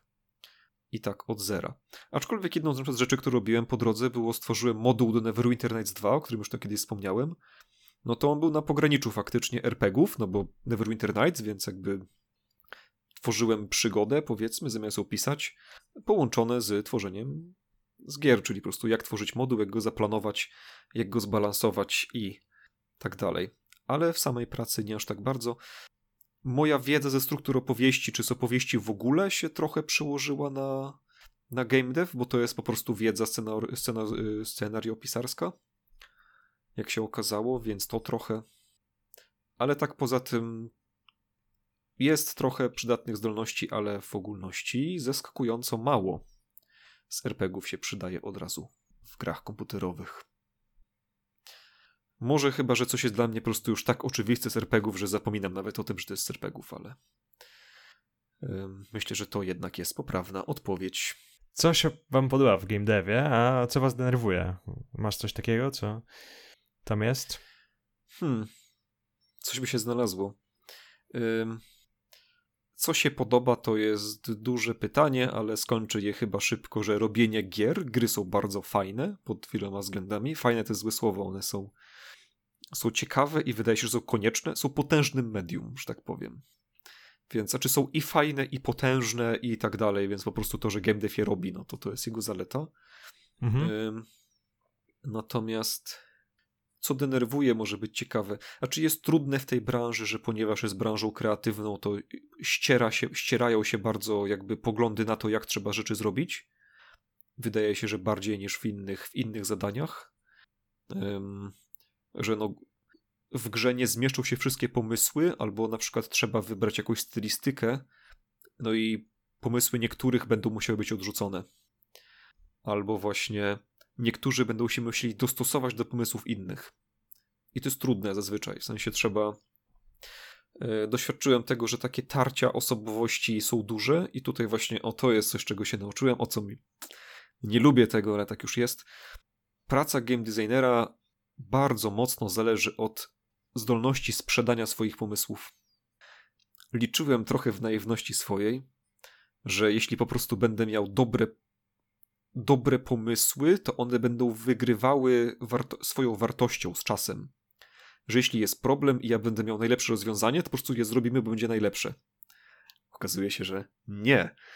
Jest różnie i z powodu właśnie ścierających się wizji i z powodów tego, że nie zawsze jestem w stanie przekazać to, co mam w głowie. Czasem trzeba to po prostu właśnie dobrze sprzedać, ponieważ w mojej głowie to jest wspaniałe, ale jest zdolność przekazania tego, więc jakby po pierwsze jakby trzeba się uczyć jednak tego, trzeba się uczyć komunikacji de facto i trzeba się uczyć także no sprzedaży w zasadzie. Zdolność, której, która nie przeraża, która jest konieczna. I pitchowanie jest przykładem tego. Co z tego, że masz super grę, którą jesteś w stanie zrobić, albo tam grę. Masz pomysł na mechanikę, której wiesz, że gra potrzebuje, ale żeby ona się tam pojawiła, to musisz najpierw przekonać producenta, żeby dał na nią czas produkcyjny, żeby ją zrobić. Potem się musisz zmagać z nim na spotkaniach, kiedy w czasie pierwszych testów wychodzi, że coś nie działa i on cię obwinia za to, że to jest twoja wina, że to nie wychodzi i to był błąd, że, cię, że się na to zgodził. Musisz go przekonywać, bo na siebie ten stres, te dyskusje i przychodzi cały ten proces, żeby ją, żeby ją wprowadzić. I może się okazać, że będzie dobra, a może nie, może się myliłeś, więc to jest trochę to, co mnie wkurza, przy czym to jak wkurza, że to jest jakby chyba naturalna część życia, to jakby nie da się tego uniknąć, to jest właśnie to, że do pracy game designera trzeba zaskakująco dużo właśnie sprzedaży i takiej polityki, czasem nawet wewnątrzfirmowej, żeby swoje pomysły przepchnąć i tego zmagania się z zespołami i z ludźmi jest po prostu jest dużo i nawet czasem jest więcej niż samej takiej pracy designerskiej, że siadasz i rozpisujesz tabelki i piszesz dokumentację, jak co ma wyglądać. Także tak bym to powiedział. Przy czym jestem prawie pewien, że nie tylko w game devie są tego typu problemy. E, tak, to jest prawda. Znaczy, zakładam, że to jest bardzo ciekawe. Nie spodziewałem się tego aż tak bardzo. W pracy programisty tego jest trochę, bo każdy ma jakiś pomysł, jak zrobić architekturę danej rzeczy lepiej lub gorzej. Ja, ponieważ pracuję zdalnie, czasami mam taką opcję, że mogę powiedzieć: OK, to to zrobię. Przedyskutujemy, jak będzie zrobiony ten kawałek i zobaczymy, jak możemy to ulepszyć. E, także zrobić tak iteracyjnie i w tym momencie nie trzeba jakby robić tak od góry, tylko można zrobić od dołu, zobaczyć co działa i dopiero potem podjąć, podjąć decyzję. Z tego powodu niektóre z moich pomysłów są przepychane, bo jestem w stanie pokazać, że one działają. Także, mhm. także to jest ciekawe. Niemniej mm, ciekawe, nie wiedziałem. Mhm. Um, w game designie też tak czasami na przykład jest, że zamiast iść do producenta na przykład i przekonywać go do jakiejś mechaniki, to najlepiej jest rozpisać gotową dokumentację, najlepiej jeszcze narysować po prostu przykłady jakieś, jakieś grafiki i mu pokazać, słuchaj, to jest gotowa dokumentacja, zróbmy to. Jeszcze można nawet siąść i zrobić własny prototyp i pokazać, jak to działa w ogóle, to, to już jest najlepiej. Na przykład siąść po prostu do gry, dorobić jakiś feature. Czasem tu wchodzą takie machlojki, na przykład poprosić programistę, żeby gdzieś tam na boku w godzinę ci dopisał funkcję, zanim producent się w ogóle o tym dowie, że coś takiego robisz, to zaryzykować i to zrobić i postawić go przed faktem dokonanym jest cienka granica, no bo nie chcesz także psuć producentowi jego planu i mu, i mu rozsypać sprint tylko dlatego, że miałeś jakąś wizję, która się okazała yy, niewypałem. Ale no, tego jest dużo i tego no, trzeba się w tym też umieć obracać. Co jest... Nie wiem, nie wiem, czy by się dało mieć jakiś obiektywny wskaźnik po prostu, który pomysł jest najlepszy i po prostu go robimy i nie ma dyskusji. Okej, okay. to jeszcze ja, ja, powiem jedną rzecz, która jest, um, może być denerwująca lub i mi się podoba. Znaczy, jak już mówiłem, podoba mi się to, że w game devie pracują ludzie, którymi mi dobrze się rozmawia, przynajmniej w mojej firmie. Um, mamy podobne zainteresowania często i możemy zawsze porozmawiać o grach. Um, co, co mnie denerwuje, to na pewno jest to, co mówiłeś, tak? Że są ludzie, którzy crunchują, to, że mniej zarabiają i tak dalej. To nie wiem, czy to jest tego warte, tak? Ja, gdybym miał wybrać, gdybym nagle nie mógł pracować w Riocie, miał szukać innej firmy, to wybrałbym tą, której technologia, w której pracuję, projekt, który robię i, i, i pieniądze, które dostaję, były dla mnie satysfakcjonujące i prawdopodobnie nie byłby to game dev. Prawdopodobnie bym do niego nie wrócił. Mhm. Ale też się podpiszę pod tym, że też mi się w game devie spotykam dość dużo osób, z którymi się dogaduję. Na pewno więcej niż w innych środowiskach. Coś po prostu jest takiego łączącego. Mhm. Chociaż na przykład w RPGach spotykam więcej takich osób. Jakby wydaje się, że RPG są bardziej wąskie, gromadzą bardziej podobnych ludzi niż game dev, który jest jednak trochę szerszy w moim doświadczeniu. Mhm. Um, Okej. Okay. No to ostatnia seria pytań na zakończenie. Powiedzmy, czy, polecieli, czy polecilibyście game dev młodszym znajomym? To jak? Czy poleciłbyś game dev młodszym znajomym? Tylko młodszym. Jak ktoś będzie starszy o rok, to już u absolutnie nie. Nie, młodszym znajomym. Ym... Tak, pod warunkiem, że to jest to, co chcą robić. Ja bym i tak. Myślę, że w ogóle dobrą poradą życiową, tak czy inaczej, jak tak gadam z ludźmi, którzy powiedzmy tam są na etapie jakiegoś wyboru w życiu, to i tak staram się raczej dowiedzieć, co ch oni chcą robić. I jeśli to faktycznie jest game dev, albo jedną z rzeczy jest game dev, to jak najbardziej. Z zastrzeżeniem, w sensie mogę na miarę, na miarę mojej wiedzy ostrzec, że ok, w game devie możesz się liczyć z tymi i z tymi i z tymi wadami. Na przykład mogą być crunche, możesz dostawać mniej pieniędzy niż byś mógł dostawać. Więc jeśli na przykład chcesz przede wszystkim zarabiać pieniądze, no to ostrożnie z game devem, po prostu możesz czuć się potem nieszczęśliwy z tego powodu. Ale jeśli masz pasję do gier, do gier chcesz je robić, no to słuchaj, tu są kroki, które możesz podjąć, żeby je robić jak najbardziej. Yy, polecam branżę, nie siedzę w niej cierpiętniczo.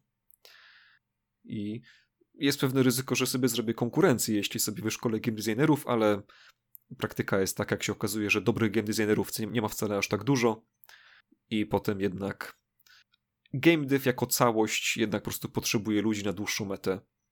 Dobrze, jeśli ci dobrzy ludzie w tym nim będą. Że po prostu branża, y, praca się znajdzie dla kompetentnych ludzi. Chyba, mhm. że branża zaliczy krach.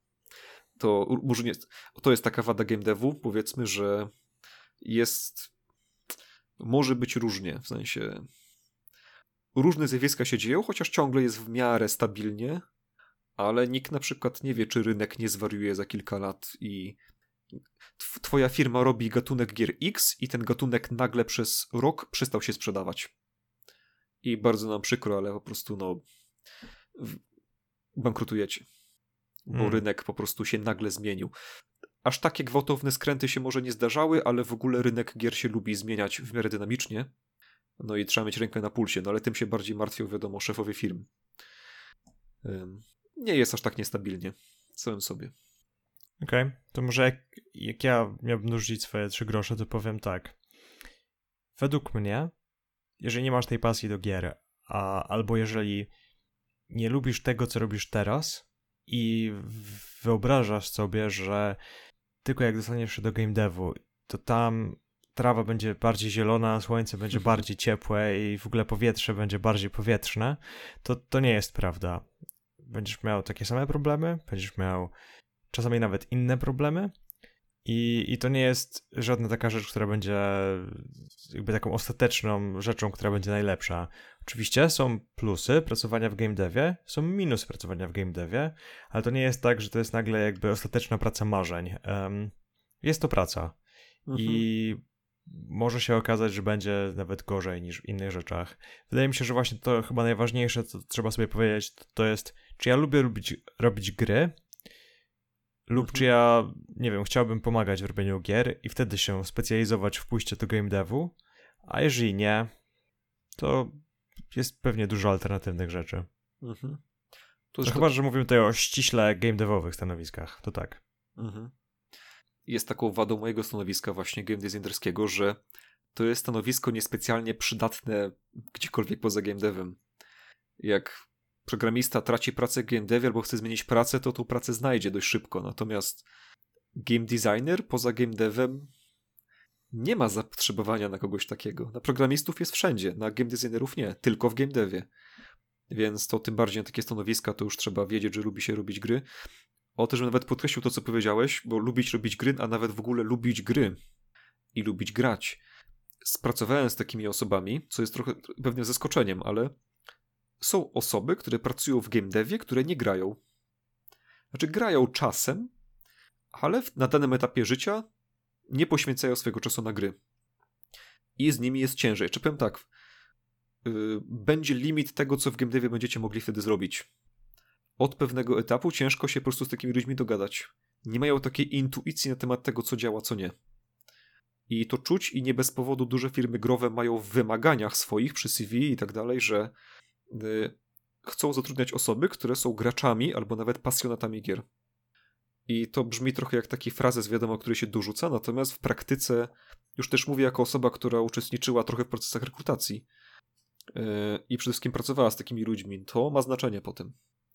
Mhm. Inaczej się gada z ludźmi, którzy grają. To czuć. Więc jeśli chcecie pracować w game devie, tak tylko wykonawczo, bo nie wiem, macie jakiś powód ku temu, inny niż to, że lubicie gry, no, zastanówcie się się dwa razy. Duża szansa, że tam nie będziecie się nie najlepiej czuć, no i też będzie ciężko wam zajść bardzo wysoko. Um, Okej. Okay. Kolejne pytanie? Mhm. Czy według was lepiej się specjalizować, czy być generalistą? Ja odpowiem krótko. Moim zdaniem na początek lepiej się specjalizować, żeby doprowadzić jedną ze swoich umiejętności do poziomu, na którym ona się przydaje zawodowo. Natomiast kiedy już komfortowo potraficie robić jedną rzecz, uważam za duży wachlarz umiejętności za cenny. Ale to trochę zależy. Myślę, można kompetentnie być specjalistą i przez całe życie być specjalistą i robić dobrą robotę, być zadowolonym i jak najbardziej. Trochę zależy od stanowiska. I, mhm. takie, i takie się przydają. Tak. Rzekłbym, że jeśli generaliści są cenni na, pos na posady dyrektorskie, jeśli ktoś chce być creative dyrektorem czy kimś takim, art dyrektorem, będzie musiał umieć więcej rzeczy raczej. No bo inaczej ciężko będzie mu nadzorować pracę innych, jeśli jej nie rozumie. Mhm. Y, ale obie ścieżki jakby są poprawne, więc to trochę zależy od tego, co lubicie, do czego macie talenty. Znaczy ja myślę, że specjaliści są w cenie, ale też trzeba wiedzieć, w czym się specjalizować, bo czasami można się specjalizować w rzeczach, które są mniej popularne. Przypomina mi się taki um, taka historia, jak byłem na uniwersytecie i był taki dział, nazywał się Machine Learning i on jeszcze kilka lat temu był w ogóle takim martwym działem. Nikt w ogóle nic z tym nie zrobił, nie robił. Um, mhm. Po czym ktoś nagle stwierdził, ej, ale możemy dopasowywać reklamy do do oglądających je osób w sposób ich zainteresowań i badania tego i robienia modeli. I nagle machine learning e, okazało się, że z katedry, która była prawie martwa, okazała się jedną z najbardziej takich rozchwytywanych katedr, bo ta umiejętność została super przydatna. Mhm. Także no, ym, taka opowieść odnośnie kiedy bycie specjalistą może się opłacić, a kiedy nie.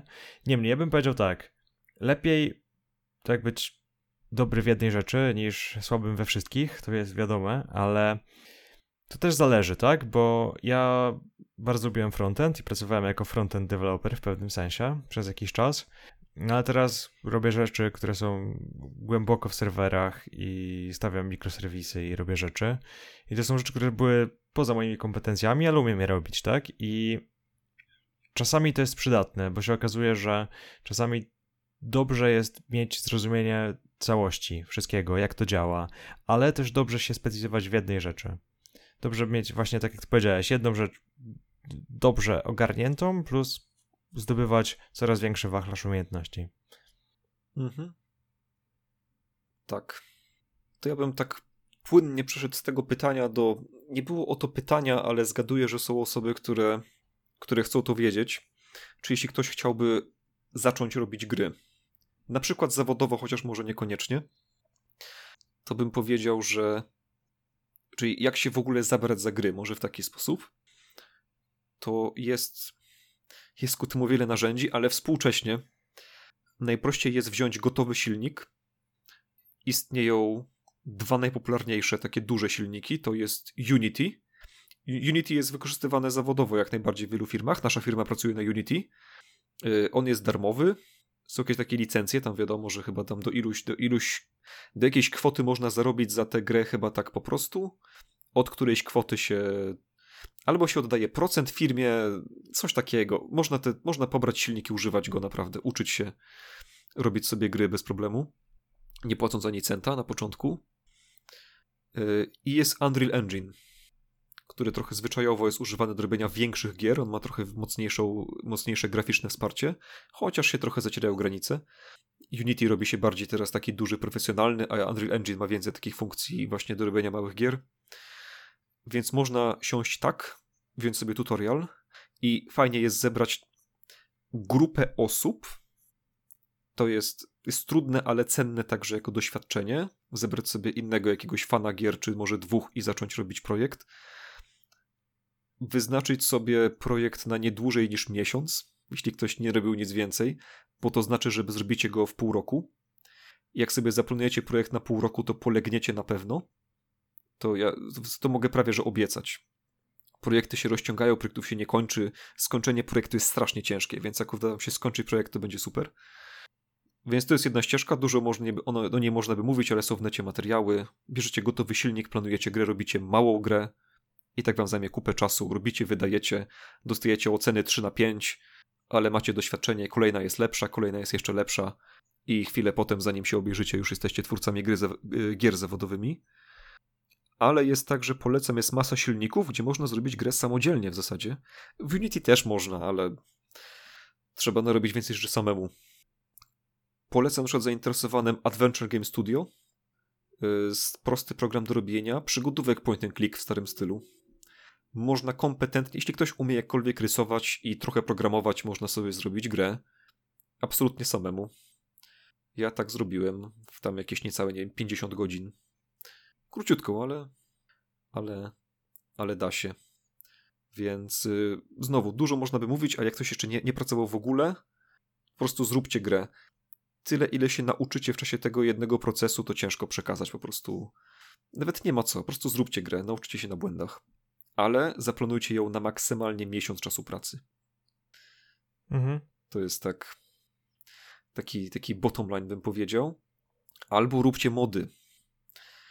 To też jest druga sprawa. Albo róbcie poziomy do gotowych gier to zwłaszcza jeśli chcecie być twórcami poziomów albo game designerami, to twórzcie poziomy. A na wszystkie inne, i teraz mówię głównie o stanowiskach takich projektanckich, no bo bycie programistą growym to przede wszystkim bycie dobrym programistą, który przy okazji lubi gry. Bycie grafikiem w growym to bycie grafikiem przede wszystkim po prostu. I się rekrutuje grafików na podstawie portfolio. I tak dalej, więc tutaj się Najbardziej kluczowe są chyba te stanowiska projektanckie, no i je się ćwiczy robiąc gry. I tutaj taka wiadomość, no niestety jest problem ze stanowiskami wejściowymi, więc jest ten paradoks, że potrzebujecie doświadczenia, a nie macie doświadczenia, bo nie pracujecie w branży, nie pracujecie w branży, bo nie macie doświadczenia. Y, to trzeba przełamać zazwyczaj robieniem gier. Hobbysty, czy znaczy hobbystycznie, we własnym domu, płacąc krwią i potem i czasem i niespecjalnie jest od tego ucieczka, moim zdaniem. Moim zdaniem nawet studia growe ku temu nie pomogą, jeśli w ogóle już są jakieś dobre. Musicie robić gry. Więc Unity, Unreal Engine, albo pomniejsze silniki Adventure Game Studio, albo levele do czegoś. Im szybciej zaczniecie, tym szybciej będziecie coś umieć. Na zakończenie dodam od siebie, jest taka strona skillshot.pl. Chyba nie wszyscy o niej wiedzą. Tam są oferty branży growej polskiej. Chyba prawie wszystkie firmy, które znam, tam rekrutują. W sensie, jak dają ogłoszenie, to dają je różnymi kanałami i zazwyczaj także na Skillshocie. Więc od małych firm po CD Projekt Redy, tam są wszystkie ogłoszenia w Polsce. Więc jak ktoś chce szukać e, pracy w branży, to albo tam szukać oferty już bezpośrednio, albo chcecie być game designerem wchodzicie na skillshota, patrzycie na ogłoszenie na game designera, patrzycie co jest wymagane. Wiecie czego się nauczyć przez kolejne pół roku czy rok, czy ileś tam czasu. Tyle chyba ode mnie z konkretów. To jest ciężko streścić, ale do tego się sprowadza wchodzenie do branży, która jest pracą jak każdą inną, koniec końców. Po prostu ma swoje umiejętności wymagane i można je zdobyć i pracować. Jakieś słowa podsumowania od ciebie na koniec? Powiem tak, robienie gier jest fajne, e, tak mi się przynajmniej wydaje, nigdy ich nie robiłem. nie, dobra, jeszcze raz. Więc moje słowa podsumowania są takie, że jakbyście mieli jakieś pytania, jakbyście chcieli, żebyśmy skupili się na jeszcze konkretnych aspektach, zadajcie nam pytania. Mam nadzieję, że dowiedzieliście się czegoś, e, zarówno od Maćka pewnie więcej, e, czy ode mnie, który też pokazuje wam tą branżę gier z innej strony. I tak, to nie jest nasz typowy RPGowy odcinek. Niemniej, wydaje mi się, że jest on pod tym względem ciekawy, że pokazuje prawdziwe nasze historie. I myślę, że to jest w cenie, tak? Że, że, że to jest rzecz, którą, w której możecie wyciągnąć masę dobrych rzeczy. Jeżeli jesteście zainteresowani robieniem tych rzeczy, to to są rzeczy, które wam naprawdę są w stanie pomóc. Mhm. I mi się wydaje, że, że ktoś, kto myśli o tym i posłucha tego podcastu, znajdzie tutaj naprawdę dużo ukrytej, zakopanej, fajnej wiedzy. Mhm. Jest cały temat, którego nie poruszyliśmy, ale może i dobrze, czyli w sumie właśnie projektowanie RPGów. W skrócie mogę dać tyle, przed, że z doświadczenia mojego z branży game devu elektronicznego przydało mi się coś w RPGach. W tamtą stronę nie do końca, ale w tę stronę tak. Na przykład pisanie dokumentacji, czy w ogóle pisanie instrukcji dla graczy, wyrażanie swoich myśli tak, żeby inni mogli je zrozumieć, lub właśnie projektowanie systemów, tak żeby one działały. W szczególności projektowanie systemów, które zrobią ludziom roboty, chociaż ani nawet sami nie będą świadomi, dlaczego to działa. PSG Tool jest pewnym tego owocem. Nie mówię jeszcze, że idealnym, ciągle się tego uczę, ale no też korzystałem, tworząc go, z wiedzy, którą zdobyłem w pracy w branży gier. Więc w tę stronę umiejętności przechodzą. Tylko w drugą jeszcze nie. Gry uczą i bawią. Bawią i uczą. Jest dużo teorii na temat tego, że to jest jedno i to samo. Doskonale. No dobrze, to w takim razie to tyle. Jak już mówiłem, piszcie w komentarzach, zadawajcie nam pytania. Jak coś odpowiemy, prawdopodobnie w komentarzach. A jak zbierze się zbyt dużo pytań, to nagramy kolejny odcinek. Tak, dokładnie będzie. No to co, to dzięki za dzisiaj. Dzięki za dzisiaj i do usłyszenia. Hej.